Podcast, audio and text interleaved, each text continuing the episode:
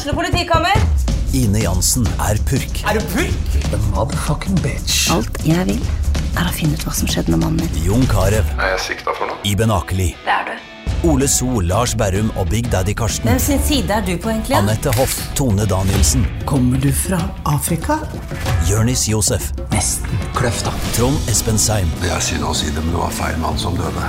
Purk. Premiere tirsdag på TV2 Play. Ungsamtalen fra DNB er økonomisk veiledning tilpasset deg som er ung. Bokk en ungsamtale på dnb.no. slash ung. Det er kjempebra hvis du skal inn på boligmarkedet, hvis det er drømmen din, liksom. Det er det du skulle sagt. Og så kunne du ropt litt mer, da, sånn som jeg gjorde. Bam! Åh,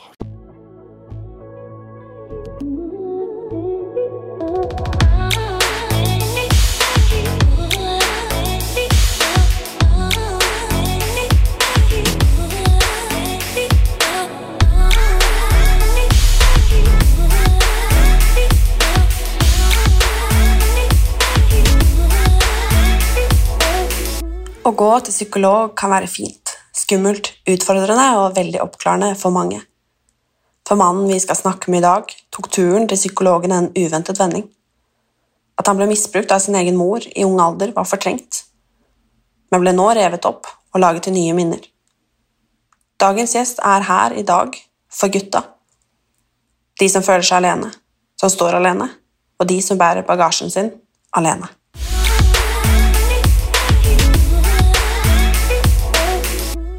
Hvordan er det å være mann og bli utsatt for vold i en nær relasjon? Nei, det er, eh, det er ikke lett. I hvert fall ikke i dagens samfunn. Når vi på en måte fortsatt tror at vi har en sånn eh, regel der hvor menn skal tåle alt. Eh, Både fysisk og psykisk. Eh, Det sitter så mange som som meg, eh, som ikke tør å si ifra, som ikke tør å åpne seg og ikke være ikke være Hva skal jeg si sterk nok eh, i dems øyne til å, til å på en måte fortelle det her om hva som skjer. Eh, så, så det å være mann i dag og bli utsatt for alt fra psykisk, fysisk og hva skal jeg si vold i nære relasjoner, det, det tror jeg ikke er noe, noe som noen tenker noe over noe særlig, egentlig. Hvorfor Men, uh, vil du snakke om det? Jeg vil snakke om det fordi jeg vil få vekk uh, Jeg vil få vekk den lasten fra alle de menneskene som kanskje sitter der og, og, og sitter med en sånn historie som de, som de absolutt burde delt, som de ikke vet hvordan de skal dele. Og kanskje det her kan gi dem en sånn liten, liten tupp bak til å forstå at det er ikke noe Det er ikke noe bedre eh, for mangfoldet av de som, de som går gjennom dette her daglig, eller har vært gjennom eller skal gå gjennom det, eh, enn å på en måte melde fra og si fra og få ned den derre eh, Hva skal jeg si andelen av de som ikke blir trodd i sånne saker.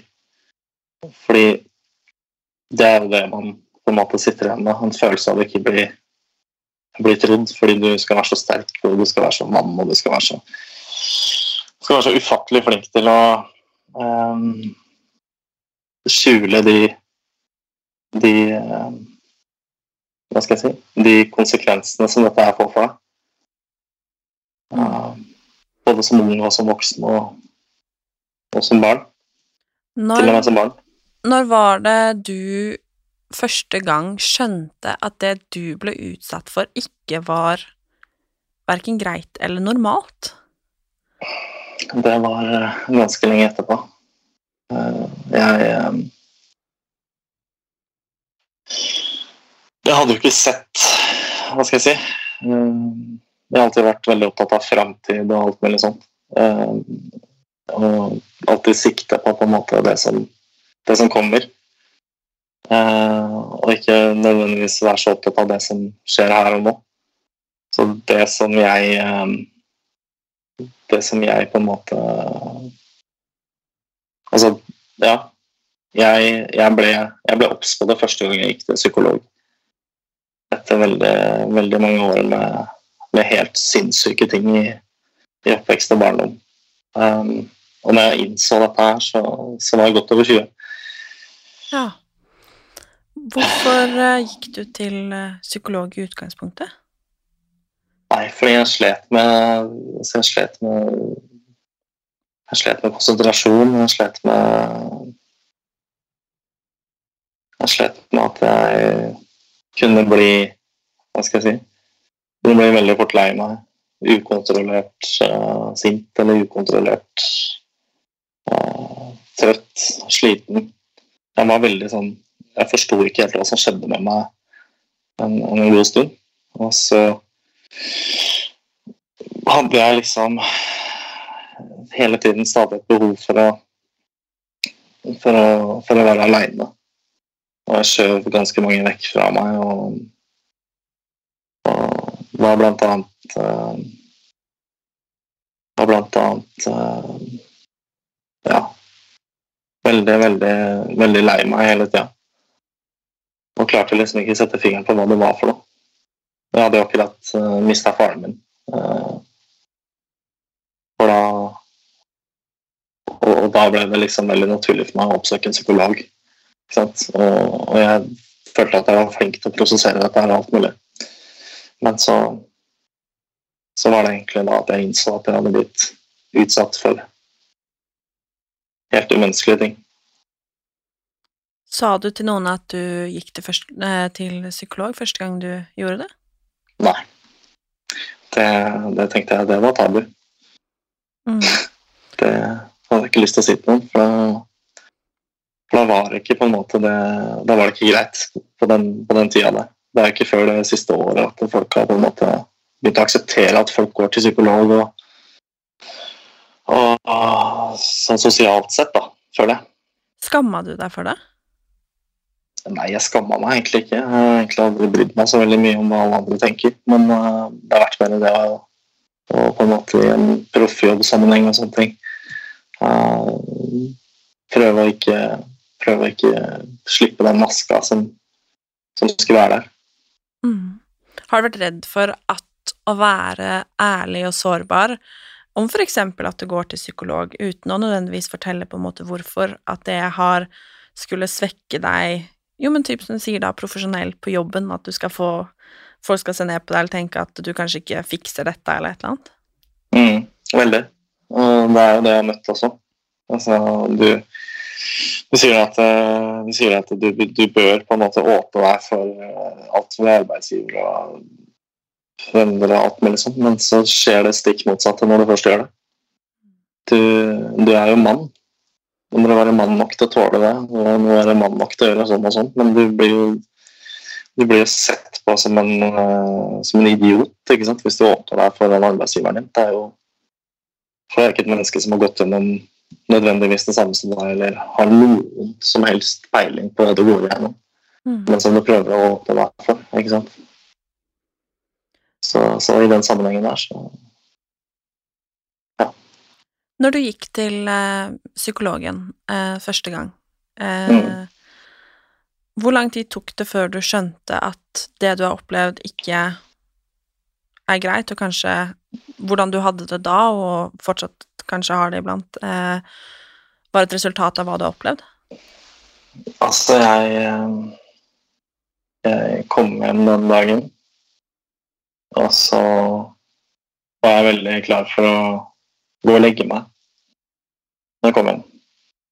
Uh, og så var det en fredag. Den fredagen så, så, så la jeg meg klokka fem på dagen etter jeg hadde kommet hjem fra psykologen. Uh, og så våkner jeg klokka syv-åtte på morgenen på lørdag. Uh, og der ble jeg to uker. Ja. I den samme senga.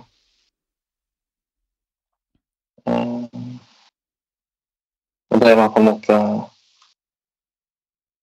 Det var min måte å, måte å reagere på, Den gangen når jeg skjønte at det, alt jeg har trodd om meg selv, har vært helt feil.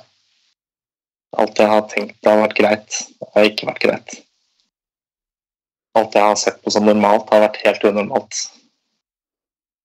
Og ingen Ingen må få høre om det her, tenkte jeg. Hvordan eh, nå, da, eh, når du liksom Ikke liksom, men du har blitt voksen og fått jobba, jobba en del med dette her. Um, Mm. Hvordan vil du se på barndommen din nå? Eller hvordan vil du beskrive barndommen din nå? Jeg vil beskrive barndommen min som tilsynelatende fin den gangen jeg ikke var hjemme. Alle de gangene jeg ikke var hjemme, så var det fint. Alle de gangene hvor jeg eh, gjorde alt fra faenskap til, eh, til å spille fotball og, og være med vennene mine, det var, eh, det var fint. Og det er det jeg har vokst opp på, på en måte. Jeg må jo spørre, spørre deg um, Hva er det du har blitt utsatt for? Jeg har blitt utsatt for veldig mye unnskyldelig vold. Eh, psykisk vold. Eh, og blitt, eh, blitt seksuelt misbrukt. Den psykiske volden, den er det ingen som ser. Så, så hadde noen bare visst hvordan ting egentlig var, og hvor mye alkohol og hvor mye eh, Hvor mye det nødvendigvis var å påvirke hverdagen min, så tror jeg ikke, jeg tror ikke jeg hadde fått bo hjemme. Var det aldri noen som skjønte at noe var gærent? Nei. Ingen. Det var eh, Det var nok vanskelig å se fra utsida. Du skjønte det ikke du engang? Nei, jeg skjønte det absolutt ikke, for jeg trodde, trodde at det var helt normalt. Jeg tror det var normalt å sitte og høre på foreldra sine krangle eller bli trua om å bli slått eller uh, sitte og være sitte og være fredsmegler mellom foreldre eller sitte og se på de drikke seg dritings eller Ja. Det var normalt for meg. Mm. Det var helt normalt for meg å å holde kjeft om det. Skjønte du alt dette etter første gang hos psykologen, eller Jeg tenker for eksempel dette her med å ha vært utsatt for uh, seksuelle overgrep, som Mm. ingen burde eller skal. Um, og et barn som er utsatt for seksuelle overgrep, det er Det er så hinsides og så vondt at det nesten ikke går an å prate om, ikke sant? Um, hva, hva følte du når du skjønte at det er det som har skjedd? Jeg følte Jeg følte en sånn sint Ekstremt sint følelse som var altså, det, var så mye sinne. Og det var så mye frustrasjon og Det var liksom som at det var en hel sånn vulkan som åpna seg. Um, og jeg, jeg visste ikke helt hva jeg skulle gjøre av meg. Jeg, jeg, jeg visste jo ikke på en måte hvem jeg var. Hvis jeg kan si det sånn. Jeg, skjønte ikke helt Jeg skjønte ikke helt hva som skjedde, og Jeg, jeg bytta på, på å gråte og nesten le, og så var jeg sint. Og så, altså, det var så mye følelser på en gang som, som ikke klarte å, klarte å plasseres noe sted. Og uansett hvor hardt du prøvde, så, måtte, så skjønte jeg til slutt at jeg bare måtte la alt komme på sin måte. Um, samtidig som at jeg måtte skylde. Mm. Og da gikk jeg på en måte på veldig sånn kompromiss med meg selv. Hvordan eh, var liksom Nå går vi inn i det dype og mørke her, og det er alltid vanskelig å spørre folk om de kan dele fra det verste de har stått og vært med på, men en vanlig dag som deg, da, som barn, hvordan, hvordan var det? Nei, altså det er jo det at man, man ser jo ofte på på de som har vært utsatt for uh, si sånne seksuelle overgrep uh, som, som hva skal jeg si, barn som på en måte kun satt inne og, og ble, ble antasta eller tatt på eller bedt om å gjøre noe. Men sånn, sånn var det ikke for meg, i hvert fall, og jeg tviler på at det er sånn for, for alle. Altså, jeg tror ikke det er noen som sitter liksom innesperra og, og på, på, på, et dyreplan, om jeg kan si det. Altså et umenneskelig plan sitter og på en måte blir innelåst og sperra inne for, for, å bli tatt på. Det er ikke nødvendigvis det som på en måte er hverdagen for en, en som er utsatt for overgrep. Det er mer det å på en måte en, en, en skal si Det det er en sånn rutine på det, nesten. Um, og, og, det er ved spesielle hendelser eller anledninger som, som overgriperen på en måte skal skal gi omsorg og, og, og, og være der er sånn som en forelder egentlig skal, bare at det er på et helt forvridd plan som er helt, uh, som er helt hinsides å se på i ettertid.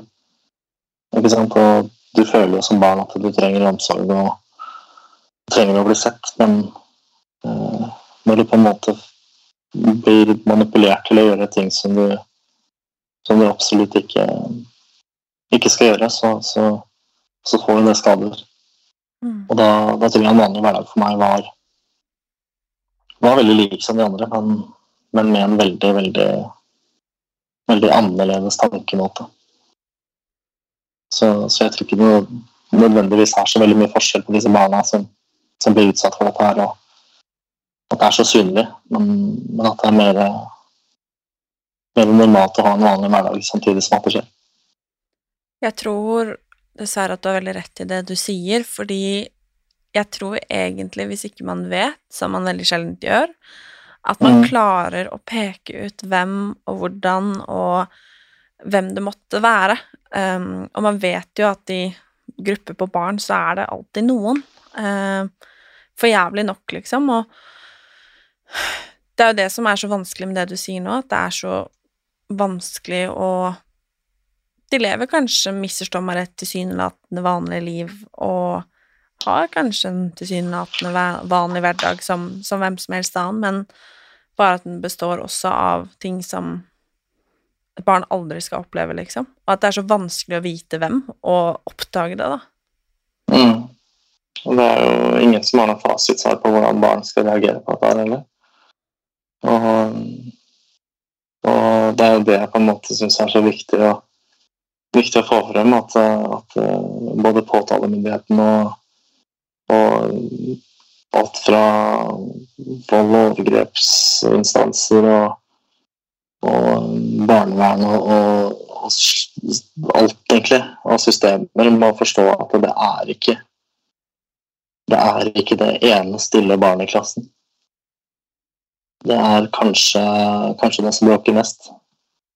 Det er kanskje den som ser ut til å ha det best, som blir utsatt. For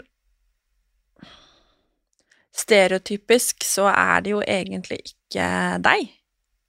Nei, ikke i det hele tatt. Det er ingen som hadde tenkt det av meg. Ikke i det hele tatt. Og Nei. jeg kan nesten begynne å grine når jeg sier det, fordi at jeg også kan skamme meg for å på en måte tenke sånn. Um, mm. Men Og det er derfor jeg er så glad for at du også vil snakke om det, fordi det er så mange som står i det, og har stått i det, som De har aldri prata om det. Nei. Fordi at det, det ikke gjelder dem, på en måte. Nei, og, og uh, det som er sjukt, er at uh, jeg har jo ved hjelp av å være full, f.eks. Uh, klart å komme meg inn på mennesker som jeg har møtt på byen, helt tilfeldig, som plutselig har åpna seg for meg og fortalte. Fordi de, det er et eller annet likhetstrekk man, man klarer å se felles med disse menneskene. Eh, ofte. Og da blir man veldig sånn knytta veldig fort. Og hatt flere hendelser hvor jeg på en måte har eh, plutselig fått høre ting som aldri har kommet ut før, eller åpna meg om ting som aldri har kommet ut før, bare for å få noen andre til å fortelle om det. Og det er, eh, det er en veldig fin måte å takle alt på, tror jeg. At man bruker, bruker den, den veien istedenfor å utagere på noe vis. Sånn i etterkant, når du har gått til psykolog nå og forstått mer og jobba mye med det, um, kan du se noen reaksjonsmønstre hos deg selv som barn slash ungdom som er et resultat av den tøffe barndommen du har hatt? Ja, det er usikkerhet. Um, så er det den der konstante behovet på bekreftelse uh, som som på en måte tilsier at du gjør ting riktig eller gjør ting feil. At du hele tiden får en sånn får et sånt behov for å spørre om det du gjør er riktig, eller går det her bra? Er du Si at du har, si at du har sex med en ny partner, så, så er du veldig sånn på å spørre hele veien. Du spør nesten litt for mye om det går fint. Mm. Uh, og det er jo sånne ting som du på en måte sitter igjen med etter å, etter å ha opplevd noe sånt. Og tydeligvis er det også, også bilder og hendelser som kommer opp i hodet som, som som på en måte bare må aksepteres, og så, og så må man fortsette med hverdagen sin. Selv om man ikke skulle hatt det der i det hele tatt. Mm. Jeg må også spørre om det når det kommer til, eh, til sex, for dette skjedde jo før du bikket den seksuelle lavalderen også. Mm. Um, og man vokser jo til, og man skal liksom bli ungdom, tenåring, alt dette her, og man skal begynne å kanskje Eller man skal ikke kanskje, man begynner gjerne å utforske seksuelt, altså eh, med nærhet på en helt annen måte, da, og man skal begynne kanskje å ha sex, ikke sant, og alle disse tingene her. Hvordan har det vært for deg når du har vært utsatt for overgrep i barndommen? Nei, altså, altså jeg jeg debuterte tidlig. Uh, og det var jo I dag så er det skremmende tidlig. Kan jeg spørre hvor tidlig det var? Jeg gikk i 9. klasse på ungdomsskolen. Og hadde akkurat fylt 13. Og debuterte da Selv om jeg er langt under seksuell lavalder men da debuterte jeg faktisk med en som var to år eldre enn meg. Hun heter Sjukt nok. Uh, men Men det var liksom den der uh, Hva skal jeg si? Det var jo normalt for meg å være en Være en, en med de tankene. Fordi Fordi jeg hadde jo vært vært utsatt for det jeg hadde vært utsatt for. Og, og hadde en viss på en måte en sånn liten sånn uh, Ja, jeg følte ikke at det var noe stort, da. Nei. Å debutere seksuelt. Det var ikke noe For mange er det så spesielt og et eller annet, ikke sant. Men nei, det var ikke noe det var ikke spesielt for meg i det hele tatt. For det var mer sånn Ja, ja. Da var det over. Så trist. Ja, altså det var jo det. Var jo det. Men uh, fortsatt så forsto jeg jo ikke at det var rart å tenke sånn. Men ville du ha sex, eller følte du at det var noe du skulle? Nei, jeg kan si at det var en god blanding. Mm. Mm. Hvordan eh, har det påvirket deg jo eldre du ble, da du Jeg tror kanskje Ja, da bikka seksuell lavalder, du liksom begynt på videregående, alle disse tingene her. Hvordan har det påvirket sexlivet ditt der? Har det på en måte Har du hatt det derre forholdet man gjerne ønsker seg, kanskje, at det skal være kjærlig og fint og nært og alt dette her, eller har det bare handla om sex og på en måte utførelsen av det?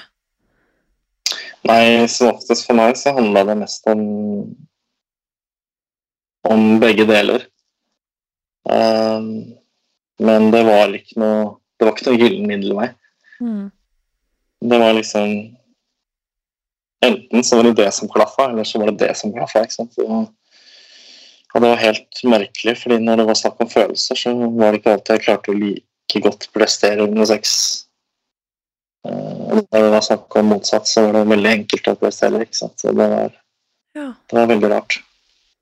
Snakka du med venner og kompiser og sånn om sex? Fordi jeg må ærlig innrømme at jeg eh, Nå jobber jeg jo mye på en måte med eh, vond tematikk, men egentlig alltid vært veldig bevisst på at ikke nødvendigvis alle har hatt det som meg, og jeg lærte ganske tidlig eh, Jeg tror det var om det var første klasse på videregående eller helt til slutten på ungdomsskolen, at For da var det litt en sånn greie å spørre folk når de hadde hatt sex første gang, ikke sant. Nå er det sjelden Mm. folk spør meg om det, men man jo eldre man blir Det er liksom men, eh, men når man er på den alderen, så gjør man jo gjerne det, ikke sant? Det er en greie kanskje å uh, Man uh, Ja, man snakker om de tingene, da. Og jeg husker at jeg en gang var i en setting med en jentegjeng, da, og så hadde nesten alle debutert seksuelt, og så ble det liksom stilt spørsmål om eh, Ja, hvor gammel var du?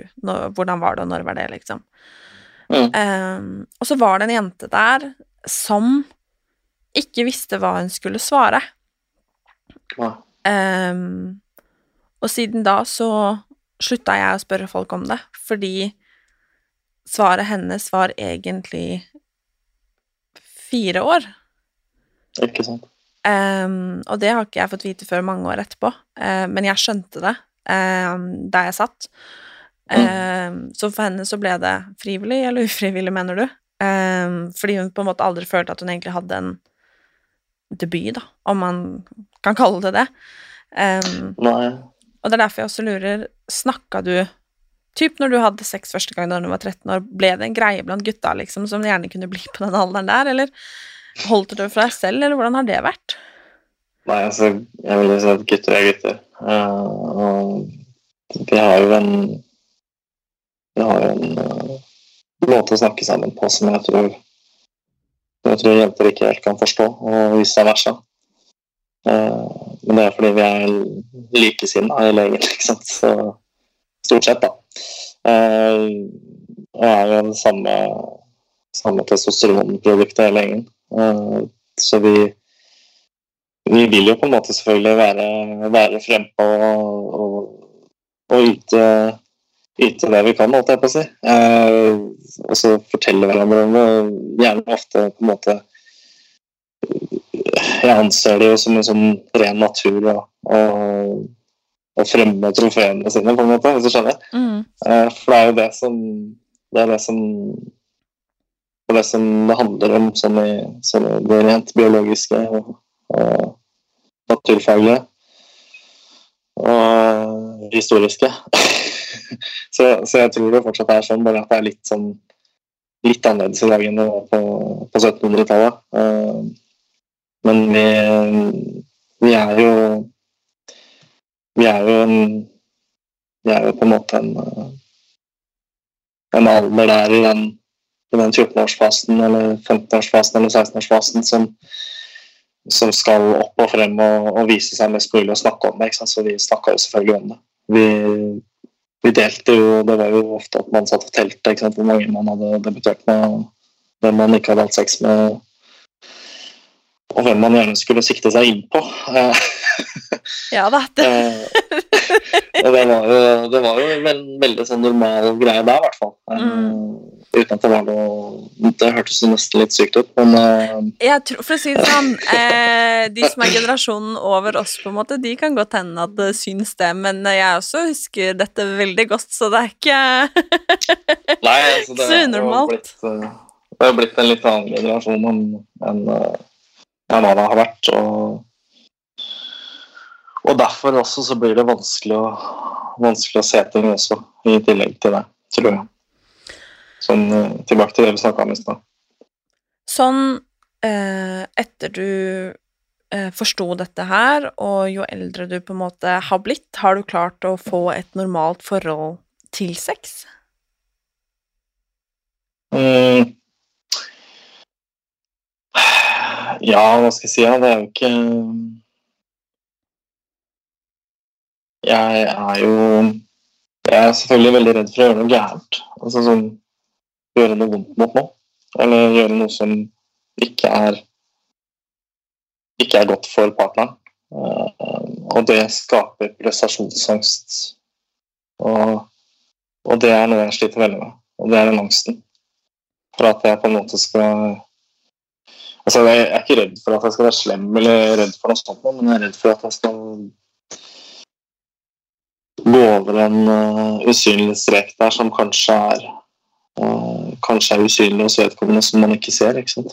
Og, det er uh, helt merkelig å forklare, men, men det, det preger jo mye av den sexen som du liksom egentlig skulle hatt.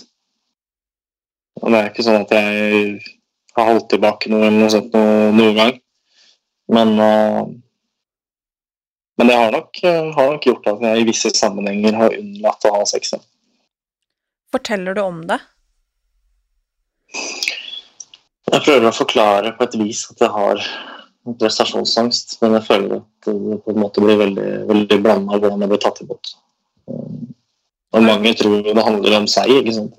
at man syns noen er stygg, eller liksom. men det har ikke, har ikke noe med det, med det å gjøre i det hele tatt. Og det er jo veldig kjipt at noen skal tenke det, og så ligger det liksom den dama ved siden av deg, og så går de ut der og tenker noe helt annet enn det som faktisk er reelle fakta og tilfellet. Har du noen gang opplevd at noen ikke vil ligge med deg av det? Nei. Ikke noe Ikke noe sånt noe, men jeg har jo, har jo opplevd at jeg selv har vært flau og ikke tatt kontakt etterpå. Ja. Et, etter at det har vært en sånn episode.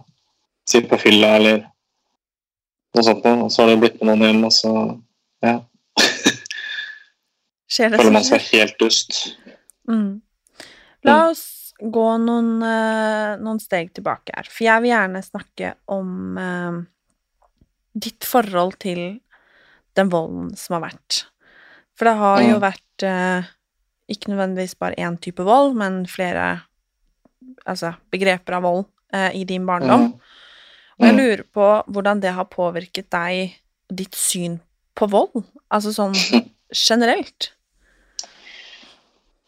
Nei, altså Du slår meg liksom litt sånn som en tøffing som eh, Ja, en tøffe gutta i klassen, liksom. Og hvordan Ja, hvordan har det vært?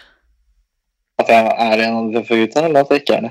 Nei, at du At du, du er det. Eller altså Det Ja, jevner det- seg kanskje det- mer ut når man blir eldre, da, men at det er sånn på skolen og sånn at du har vært en av de tøffe gutta, liksom.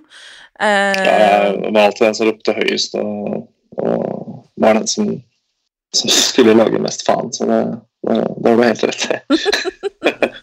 Der ser du Men, det. eh, ja. Men jeg eh, Ja, jeg kan si at jeg var ganske utagerende en god stund. Eh, fordi jeg Ja. Jeg hadde jo sett mye hjemme, og jeg hadde jo også opplevd noe av det selv. Eh, og da ble det veldig sånn Hvis noen skumpa borti der, noe sånt, og så var det nesten det var nesten flaks hvis du ikke slo vedkommende ned. Sånn når det var ute på byen og sånne ting. Eh, Men så kom det jo en dag hvor jeg på en måte eh, Ja, altså jeg Jeg har drevet litt med kampsport og, og, og likt det. Men, men det var en hendelse hvor jeg ble overfalt eh, av tre gjerningspersoner som prøvde, prøvde, prøvde å få tak i mobil og, og lommebok og alt som var. Og da svartna det helt for meg denne gangen. Eh, så jeg kom meg veldig fint ut av den situasjonen her. Eh, til tross for at jeg egentlig kanskje egentlig skulle, skulle endt opp stikk motsatt. Eh, men etter den hendelsen her så fikk jeg veldig respekt for det som hadde, hadde med vold å gjøre. Jeg ble veldig Jeg ble veldig mye mer diplomatisk. Og litt mer sånn at det er mye, mye bedre å kunne snakke seg ut av en sånn situasjon. Og ja, det, det er jo si byturer i dag. Det, det er jo alltid en eller annen som skal gi grep og sånn. Og, og når du er godt trent og, og, og har, en, har, en, liten biceps, så er det mange som har lyst til å, lyst til å begynne å knuffe med deg for moro skyld. Og det, det har blitt veldig sånn Nei, vi trenger ikke det. Det, det er ikke noe vits. Det går helt fint. Går det bra med deg? ikke sant? Og når du spør om det, så blir folk helt sånn Hæ? Ikke sant? Det er ingen som forventer det, at du, du, står der og ber noen om å prøve å slå deg, og så spør vedkommende går det bra. Ikke sant? Og det er, det er trikset. Veldig... Ja, det er trikset. Spør går det bra, eller det er veldig sånn, er det noe, er det noe du, Har du det vondt? Ikke sant? Eller noe sånt. Så setter du vedkommende såpass ut at hele den fighten den er over på flekken. Og det er liksom det, er liksom det jeg har utvikla, en sånn egenskap til å kunne klare å avverge ting som, som f.eks. sånne hendelser som, som, gutter eller menn kan, kan havne opp i sånn ufrivillig. Mm. Mm. Hvordan blei det når dere begynte Nå sier jeg dere, nå tenker jeg på de du gikk på skole med og var kompis med, sånn, begynte f.eks. å drikke alkohol og sånn. Begynte du med det tidlig, eller jeg tenker med tanke på at det var mye alkohol hjemme, og at du kanskje så utgangspunktet hva alkohol også kunne gjøre med noen, da? Mm. Altså, jeg hadde jo såpass um, Såpass lite jeg hadde såpass lite ansvarsforhold hjemme at jeg ble jo kjøpt alkohol til. Selv om jeg var langt unna 18. Um, og det trodde jeg var kjempebra. Uh, men så har jeg skjønt at det er jo faen meg helt sykt i ettertid. Det å gjøre det der. Det er jo en, rett og slett en sånn helt enkel ansvarsfraskrivelse som er helt uh, Som er helt uh, stikk motsatt av det jeg ville gjort i dag, i hvert fall. Og jeg begynte å drikke tidlig og festa og holdt på. ikke sant, og ble med, ble med disse eldre og testa dop og alt mulig som fantes. For jeg hadde jo ikke noe Altså, jeg hadde ett et fast holdepunkt hjemme, men uh, men det var jo da moren min som var den som den som var uh, den uanstendige hjemme. Og uh, kjøpte jo alkohol til meg, og jeg var ja, jeg var altfor tidlig ute. Med alt? Mm, med alt. Det også er jo en en greie at man gjerne har et bilde, kanskje, av f.eks. seksuelle overgrep, at det er noe som skjer i motsatte roller enn hva det har vært for deg. Mm. Um, at det egentlig er stikk motsatt, da. Mm. Um, er det noe du har følt på? At du har vært ekstra alene på grunn av det? At det har vært ekstra Alene på grunn av det? Uh, du kommer jo på en måte å presentere deg som en som, som er en oppegående person. Uh, du står ikke med du står ikke med nedslitte klær eller nødvendigvis kjører en stygg bil eller sitter som en stakkarslig person. Uh, og da tror jeg du har en du har en sånn stigmatiserende politikk som sier at du du, du har det ikke så vondt. Uh, og deg, deg er det ikke like synd på. Og derfor så, så, kan vi ikke på en måte Kan vi ikke få følelsen av at vi tror det, uh, nødvendigvis. Uh, og det er en sånn gjenganger som jeg møter konstant hele tida i, i, i de periodene hvor jeg prøver å formidle det her til noen, eller uh, ja dra det her inn i hjernen på noe som er helt utenforstående. Mm. Uh, og da møter du den der, han derre sjuk i huet sitt. Det er snakk om psykiatri, ikke sant? det er jo ingen som kan noe om det engang. Som, som er de som spytter det ut. Så da føler man seg alene. Det skjønner jeg. Jeg er veldig lei meg for at det er sånn. Nei, men sånn er det. det. Vi er jo menn. Vi skal jo tåle alt. Tydeligvis. Når du gikk til eh, psykolog, så høres det ut som at det hadde vært en sånn utløsende trigger, eh, at faren din hadde gått bort. Mm. Hvordan eh, har Vanskelig kanskje å snakke om forhold til en som ikke er her lenger, men hvordan har Ja, det må bare Men hvordan har følelsene til um, Eller overfor foreldrene dine vært, da, uh, med tanke på hva du uh, har opplevd, og de, de inntrykkene du sitter med? Den dag i dag så skulle jeg gjerne ønske at jeg kunne takka pappa for at han var såpass streng og, og normal. Eh, fordi det var ikke pappa som var overgriperen, sånn som det pleier å. Det var ikke pappa som var den som var eh,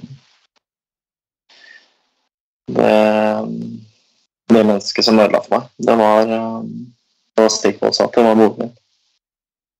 Og det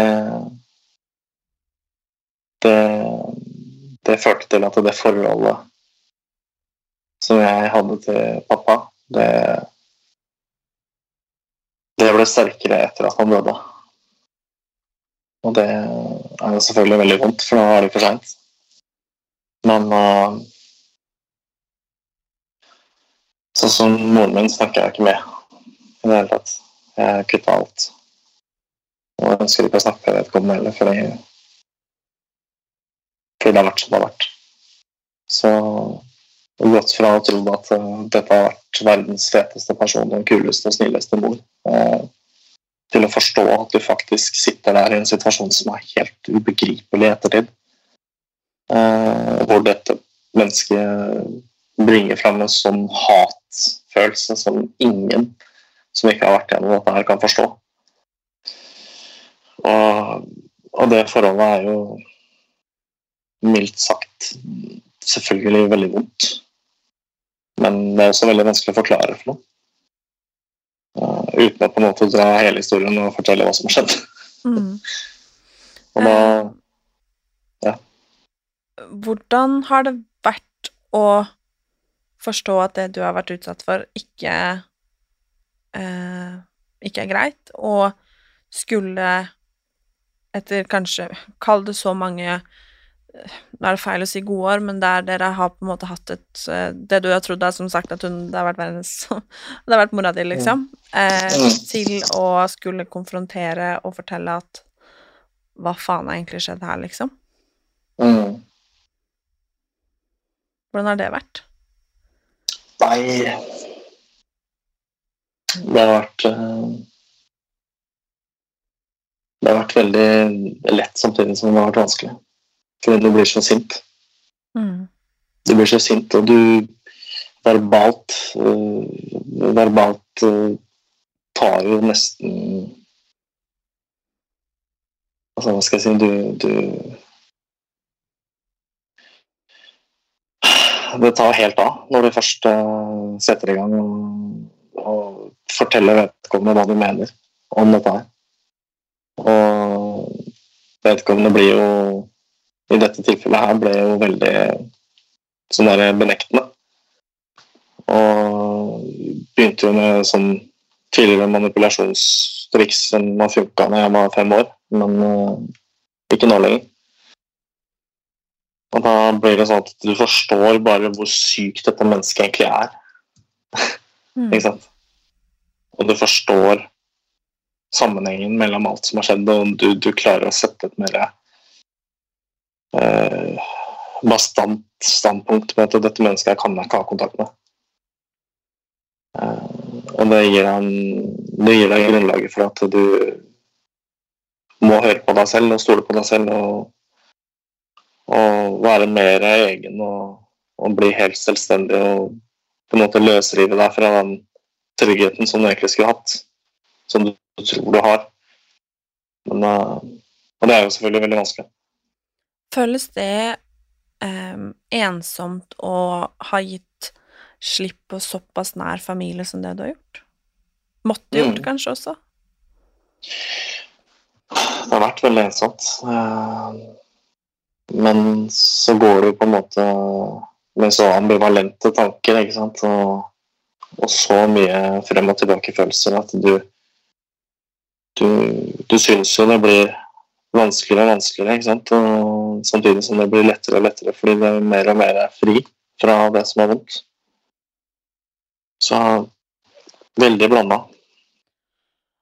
For jeg Dette er åpenbart kanskje det aller verste jeg veit. Um, mm.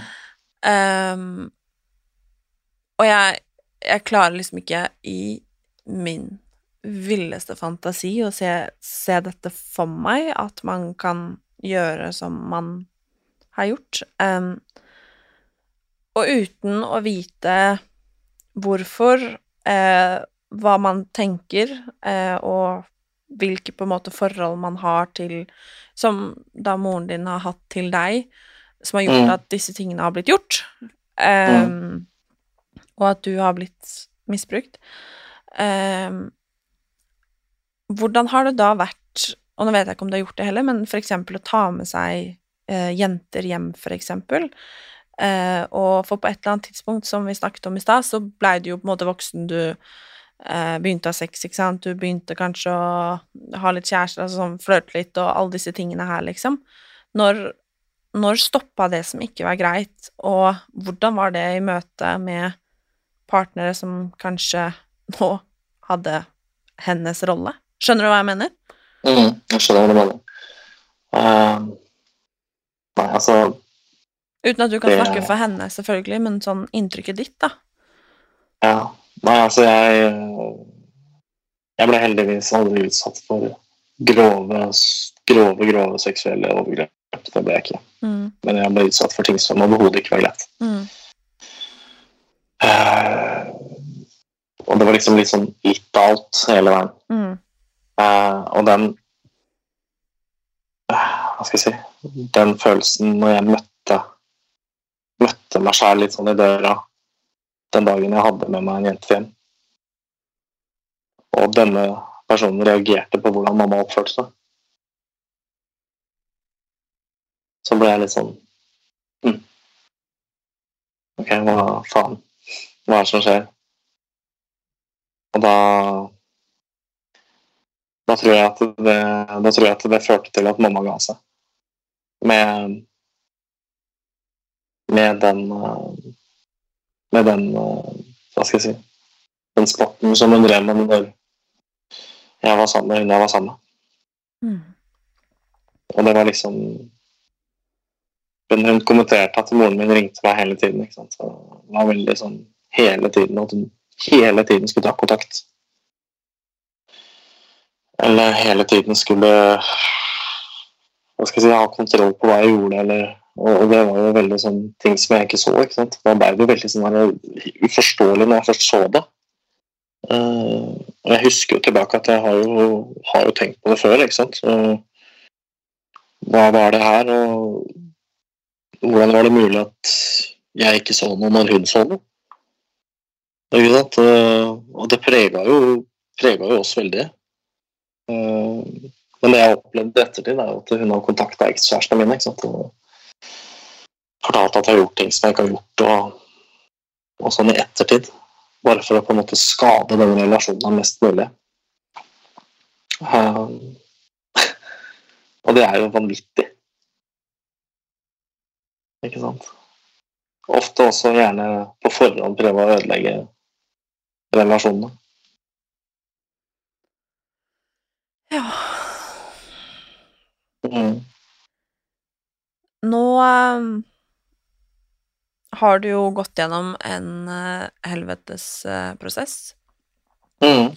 Uh, vært hos psykolog, Uh, går Ja, ja. hos psykolog. Mm. Um, og nå har du jo åpenbart kommet et stort steg på veien ettersom du sitter her og snakker med meg. Ja, ja. Er det gæren? Ehm, og jeg vet jo at du har forsøkt å ta dette videre. Mm. Hvordan har det vært? Eh, og jeg har jo forstått at du nødvendigvis kanskje ikke føler at du helt har blitt trodd. Eh, Mm. Hva har skjedd?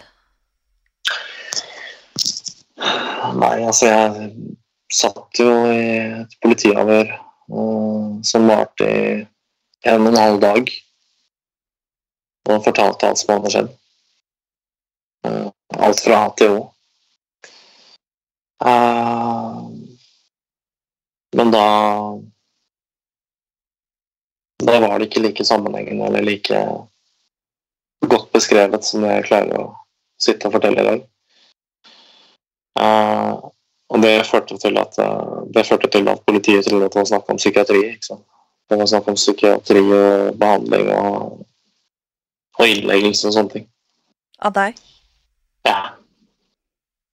Uh, så jeg, jeg spurte hva i helvete er det du snakker om? ikke sant? Altså, faen, er du helt fjern? Det er jo, jeg prøver bare å få hjelp. Ikke sant? Jeg prøver å, prøver å få tatt igjen og gitt på en måte gitt straff til den vedkommende som har ødelagt hele livet mitt hittil. På, på sett og vis. Altså ikke hele livet men gode deler av det. Eh, og det ville jo ikke politiet ta til seg.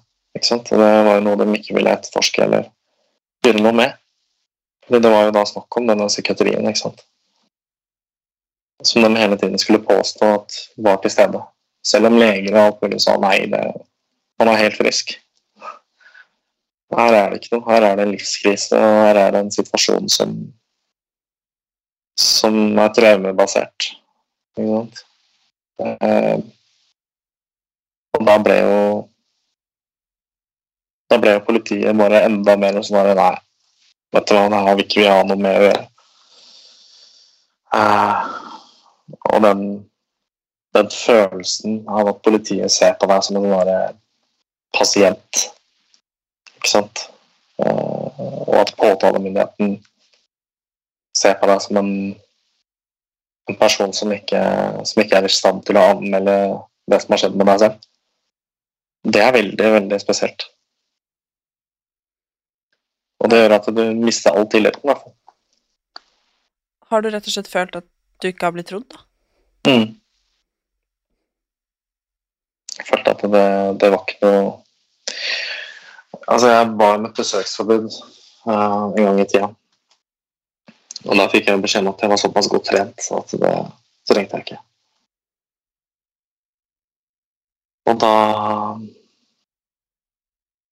Når jeg fikk beskjed om det, så, så, så klarte jeg ikke å svare. Det ble bare sånn ordleder som kom ut av munnen min. Men jeg, jeg spurte, til slutt om vedkommende, vedkommende var kapabel til å jobbe i politiet.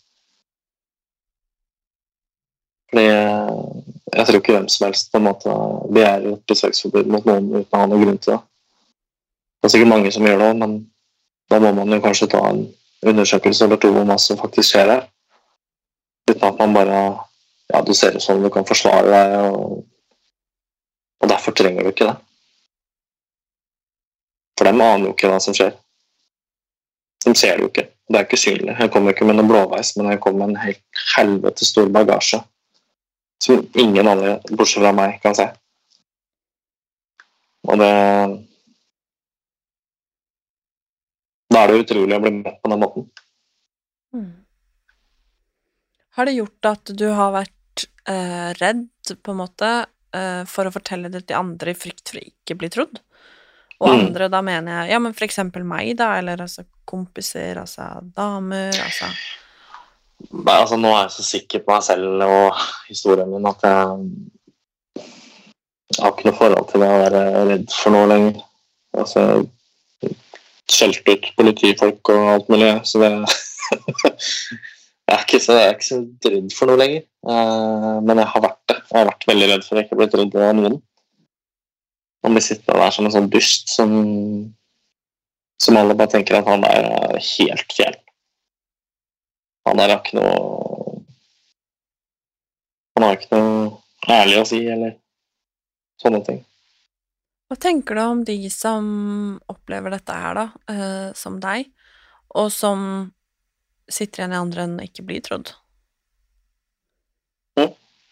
De som har opplevd det samme som deg, og som sitter igjen i andre enden, da, eh, sånn som det du gjør, og ikke blir trodd, av om Mm. det er liksom Ja, av apparatet, da, som i utgangspunktet skal eh, tro på deg og hjelpe deg. Mm. Um,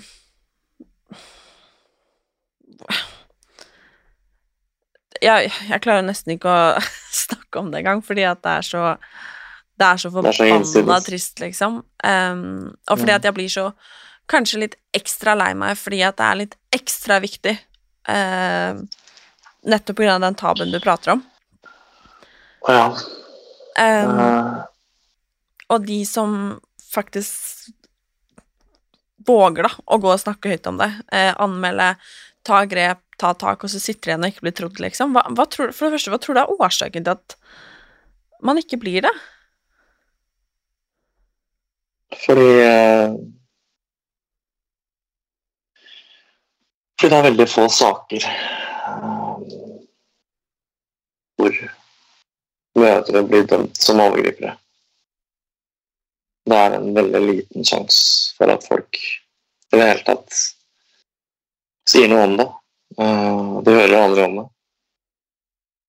Jeg kan ikke, kan ikke huske sist gang jeg så en sak i VG som inneholdt uh, inneholdt uh, seksuelt overgrep, barn og mor. Gutt og mor. Eller jente og mor. Det er fordi de er freda omtrent. Mødrene blir freda. Selv om det ofte er de som er verst. Uh, og jeg mener at det det skjer så mye at uh, at det må absolutt noe til for at det skal kunne bli bedre. Fordi jeg tror ikke jeg tror ikke en 10% engang, eller 5, kanskje ikke 5% engang av de som faktisk blir utsatt for det, snakker om det. Fordi hvordan, hvordan i alle dager skal noen tro at moren din kan, kan gjøre noe sånt mot deg?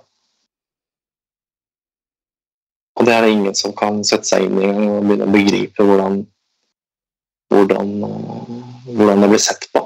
Ikke sant?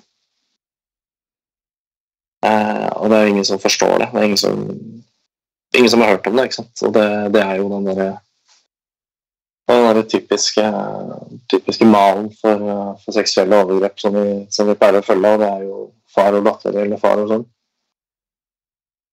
Men eh, sånn er det jo ikke. Mm. Og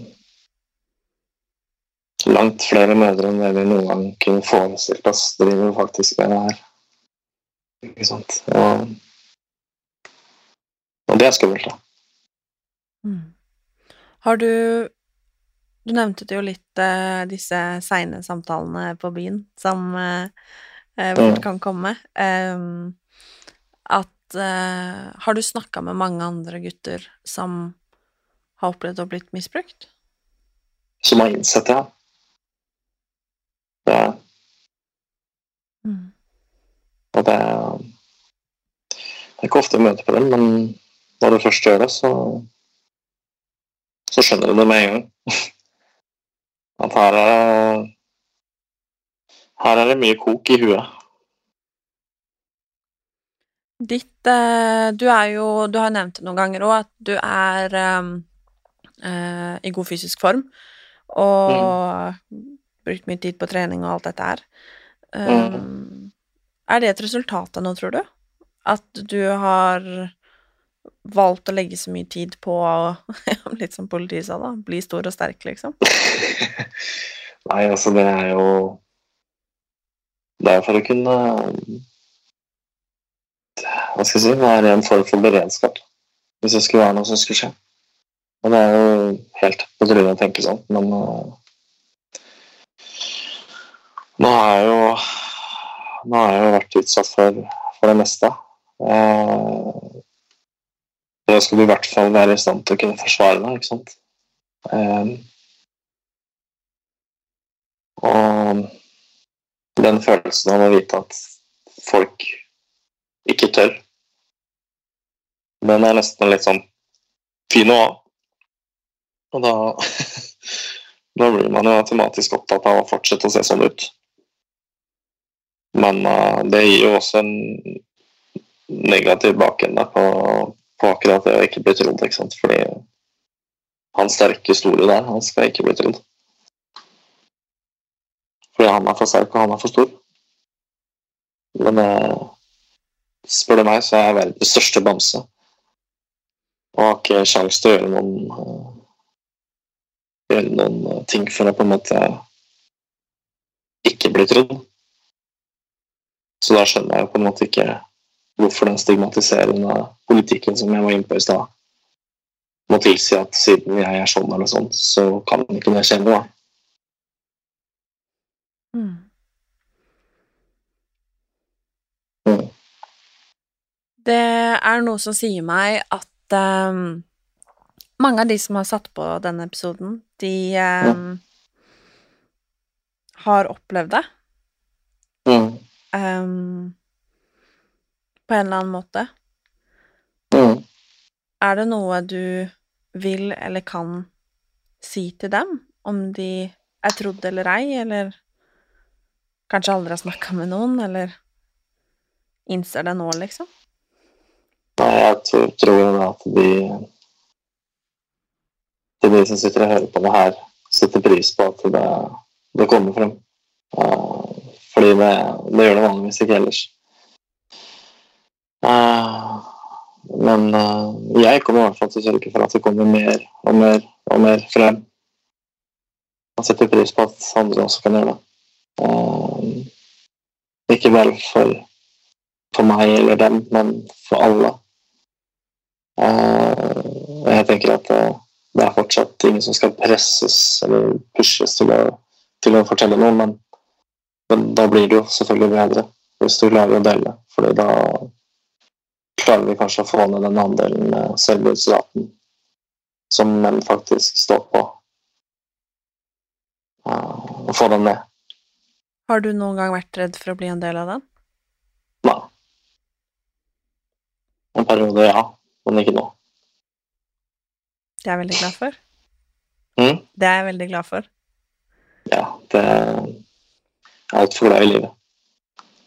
Utrolig nok, og det er jeg også veldig glad for.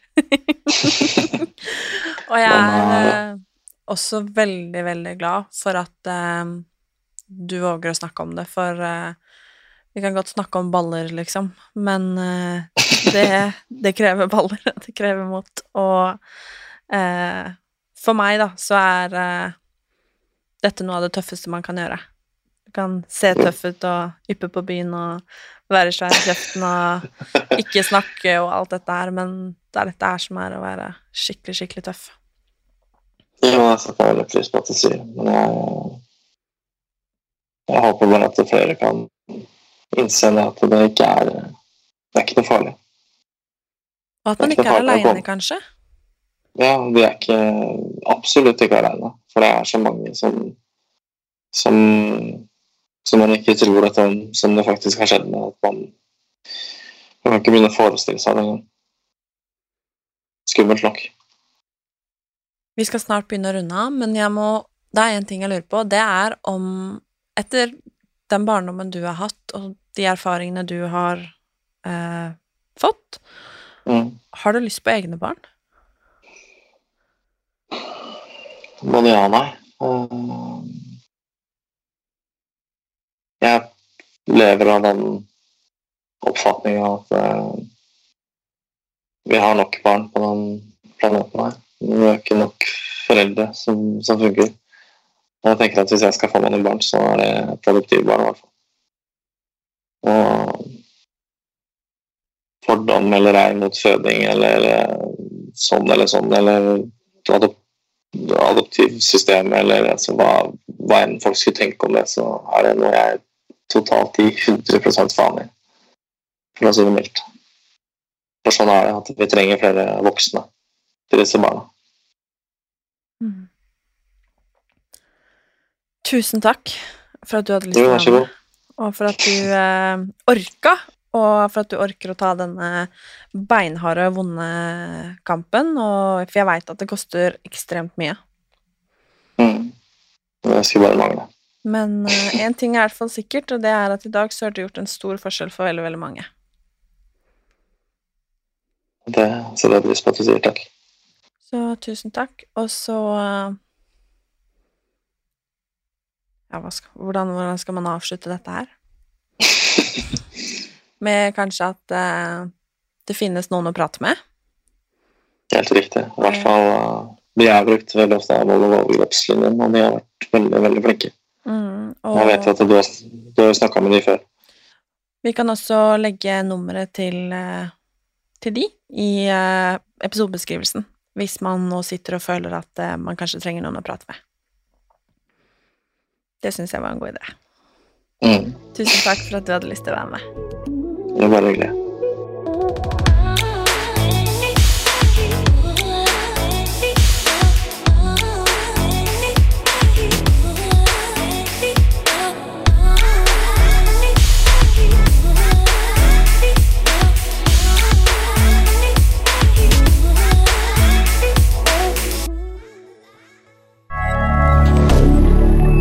Media.